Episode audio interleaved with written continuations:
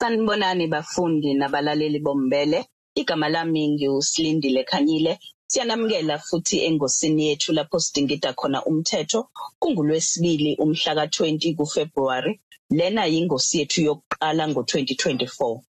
Namhlanje sithi ake siphinde sibheke kabanzi udaba lwama trust nokusebenza kwawo emva kwesimemezelo esenziwe yisilo uMisizulu kaZwelithini ngesonto elidlule sokuthi sekuzoba yisona usihlalo weIngonyama Trust Board njengoba sesixoxe obephethe lesi sikhundla umnumzane uThanduyise Mzimela.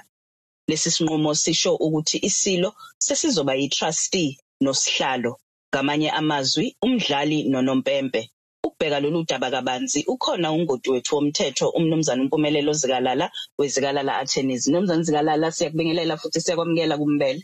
Akubingelele bese ngibingelela kakhulu abayela bahle bombele. Mnumzana Zikalala mhlawumbe ake siqale ngokukhumbuza umfundi ukuthi yini itrust futhi yini umsebenzi wayo? I-trust kusokuyinto eyakhiwe according to umthetho isuke izothi cha sizokunikeza amalungelo nema-powers asuke umuntu ophilayo le phecelezi singambiza ukuthi umuntu noma i-human being. So i-trust isuke izokwazi ukuthi ibe nama-assets ibe nezinto ekuzothiwa ezazo ikwazi ukuthi ibe ney'kweleti ikwazi ukubolekisa ngemali ikwazi ukuboleka imali ikwazi ukuyisa umuntu enkantolo. The only thing nje engakwazi ukuyenza yenziwe umuntu ukuthi kuthiwa yona isifile noma kuyona bese kuthiwa iyashada kodwa konke okunye kusuke kukhona lokukunikeza i-trust kusuke ungakwazi ukuthi ube ngaphansi kwayo. Abake bayakheka bake bayakhele sekuthini bathi cha angifuni izinto zibize mina ngoba mina impilo engiyiphilayo ithanda ukuba ne-risk.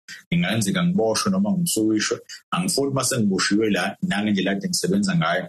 Ugcina umndeni wami ususafarisha so ukuze senze kahle akuvele ithathe i-trust kube yona izonkwamela zonke izinto. Yesibili uthola ukuthi mhlawumbe umzali kade ekhona nemali uma sengasekho umzali emhlabeni sekuyimzukuzuku ukuthi lo muzi uzobiza bani. Bese kuthiwa cha asambe siyofaka lapho kwi-trust khona uzokwazi ukuthi usale khona izizukulwane nezizukulwane zikwazi ukuthi yiphile zibe so i-trust isetshenzisela lokho ukuthi ayihambi yokwengamela ama-assets noma izinto thizeni khona sizokwazi ukuthi sithole abantu sibabiza ukuthi ama-beneficiaries. Kungabe lokhu okwenziwe yisilo kuvumelekile? Eh kuvumelekile kodwa fanele sikusonise kabili. Ngokwengonyama kukhona umthetho udile ngonyama trust kuphela kuya ngokhuluma ngonyama ngonyama trust okuyiyona elawulayo lo mthetho ukuthi ngonyama trust izosebenza kanjani. Now iyasho ke lo mthetho ukuthi cha wena ngonyama noma isilo sinelungelo lokuthi sibe uchairperson sinelungelo lokuthi sikwazi ukuthi siparticipate kulelo board.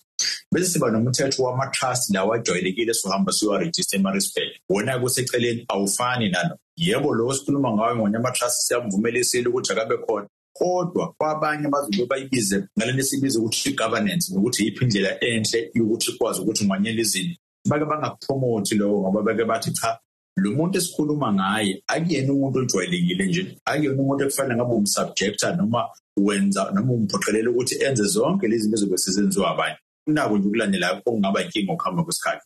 Asikhumbule ukuthi ngonyama-trust kufanele ihambe iyocomplya noma yenze sure ukuthi i-accounta to ephalamende. Umbuzo uzobe sukuthi uze ubani ephalamende uma sengingasayi kuyena? Ubani umuntu ozosayina ama-documents abalulekile for ama-appointment abantu? Ubani umuntu okuzomela ukuthi akadisclose ama-interest akhe asho ukuthi uney'mpahla ezingakanani eziphi izinto involved kuzona? Ubani umuntu okuzomela ukuthi from a good governance point of view kube khona ama-meeting azoloku ebanjwa naye even o-auditor general ngoba le mali esuke beyingamele kahulumeni noma isuke ivela kuhulumeni. Nazo zonke lezo zinto that umuntu ojwayelekile angakwazi ukuthi a-account kuyona. Kungenankinga simthatha kanjani-ke umuntu obaluleke kangaka sizomfaka la? Bese sijabule uyena esizongamela leyo process. Yiko kade representwa ngaphambilini umuntu ngoba yena kade ethi hayi mina wami umsebenzi engiwenza ukubheka usizo mkhulu kakhulu. Kuyangidinga futhi ukuthi angibe khona kwezinye iy'ndawo. Hhayi le ngonyama-trust kuphela. So ngibeke usibanibani ozokwazi ukuthi angigadele abuye azongitshela ukuthi izinto zisebenza kahle yini. Nokuthi ngikwazi ukwenza lento ekuthiwa i-oversight. Ngoba udaba lizoqala kubasebenzi lize kwibhodi lize ku-chairperson bese kuyimali iza kumina so yindaba-ke ngizofuna ukuyisusa leyo level noma lezo yihlandla lezo zokuthi izinto zilokhu yisefeka zize zifike la kumina seyirefayine kahle. Nokuthi mina ngikwazi ukubheka kahle from ipointi le-strategy noma icebo lokuthi sokwenza kanjani ukuthi sikwazi ukuthi siyikhulise ezinye zezinto ezizohamba ukuthi zibe yinkinga. Yebo kona ngokomthetho ayikho into erong ngakho kodwa ngalento esikuza ukuthi governance i-best practice kungathi khona iy'ngqinamba ezizoba khona ngokuhamba kwesikhathi kulesi simo-ke osichazayo mnumzane zikalala kungabe ikuphi okungenziwa eh uqikelela ukuthi zonke izinto ze ingonyama trust board zisazokwengamelwa ngendlela efanele yebo? Usemthethweni okwenziwe isilo kodwa kukhona eh lezi zinto okhuluma ngazo nalezi inselele ezingase iqhamuke ukubhekelela ama interest eingonyama trust board nabantu. Okufanele bahlomule kule trust. Ngiyacabanga ukuthi okuningi uyothola ukuthi kuzodelegatwa to u-deputy chairperson bese kuthiwa hayi wena sekela sihlalo sicela ukubona ozokangamele wena ozohamba uyoreport wena ozohamba uyokhuluma. Kodwa khona ezinye iy'ndawo la u-deputy chairperson angeke aze akwazi ukuthi angamele khona kuzofanele kube i-signature yesile noma kabayede kuyona kuzofanele ihlale lapho kulawo maphepha umbuzo ubuze ukuthi ungabe ngokweprotocol nalento esibiza ukuthi accountability kusazohamba ngendlela yini? Asikhumbule iy'mali esetshenziswa ngonyama trust akuzona zonke iy'mali esuke ngonyama trust esuke uzenzele zona.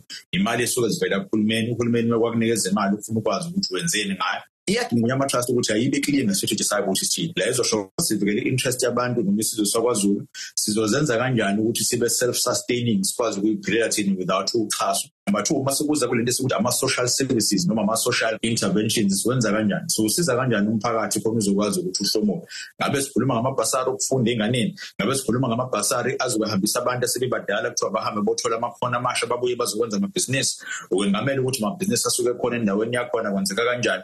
Nentuthuko esuke izoba khona lapho kuleyo ndawo nokuthi ithini. So ave kuwukuthi nje ngona ama-trust izobhekela izinto ey'thinta ubayede kuphela mhlambe nendlu yesilo kodwa kusuke kubalulekile kusekutheni ngizoyidevelopha kanjani yonke le process. Yebo singakhuluma ngakonke ngokwe-governance yakhona but into ebaluleke kakhulu ukudlula konke sekutheni uyisusa kanjani ngonyama-trust from la ikhona manje uyibeke ezingeni ezofana namanye ama-trust esho afane nawo esike siwabonela ezweni sakhile nganzikalala njenganjalo. Siyabonga kakhulu ngesikhathi sakho.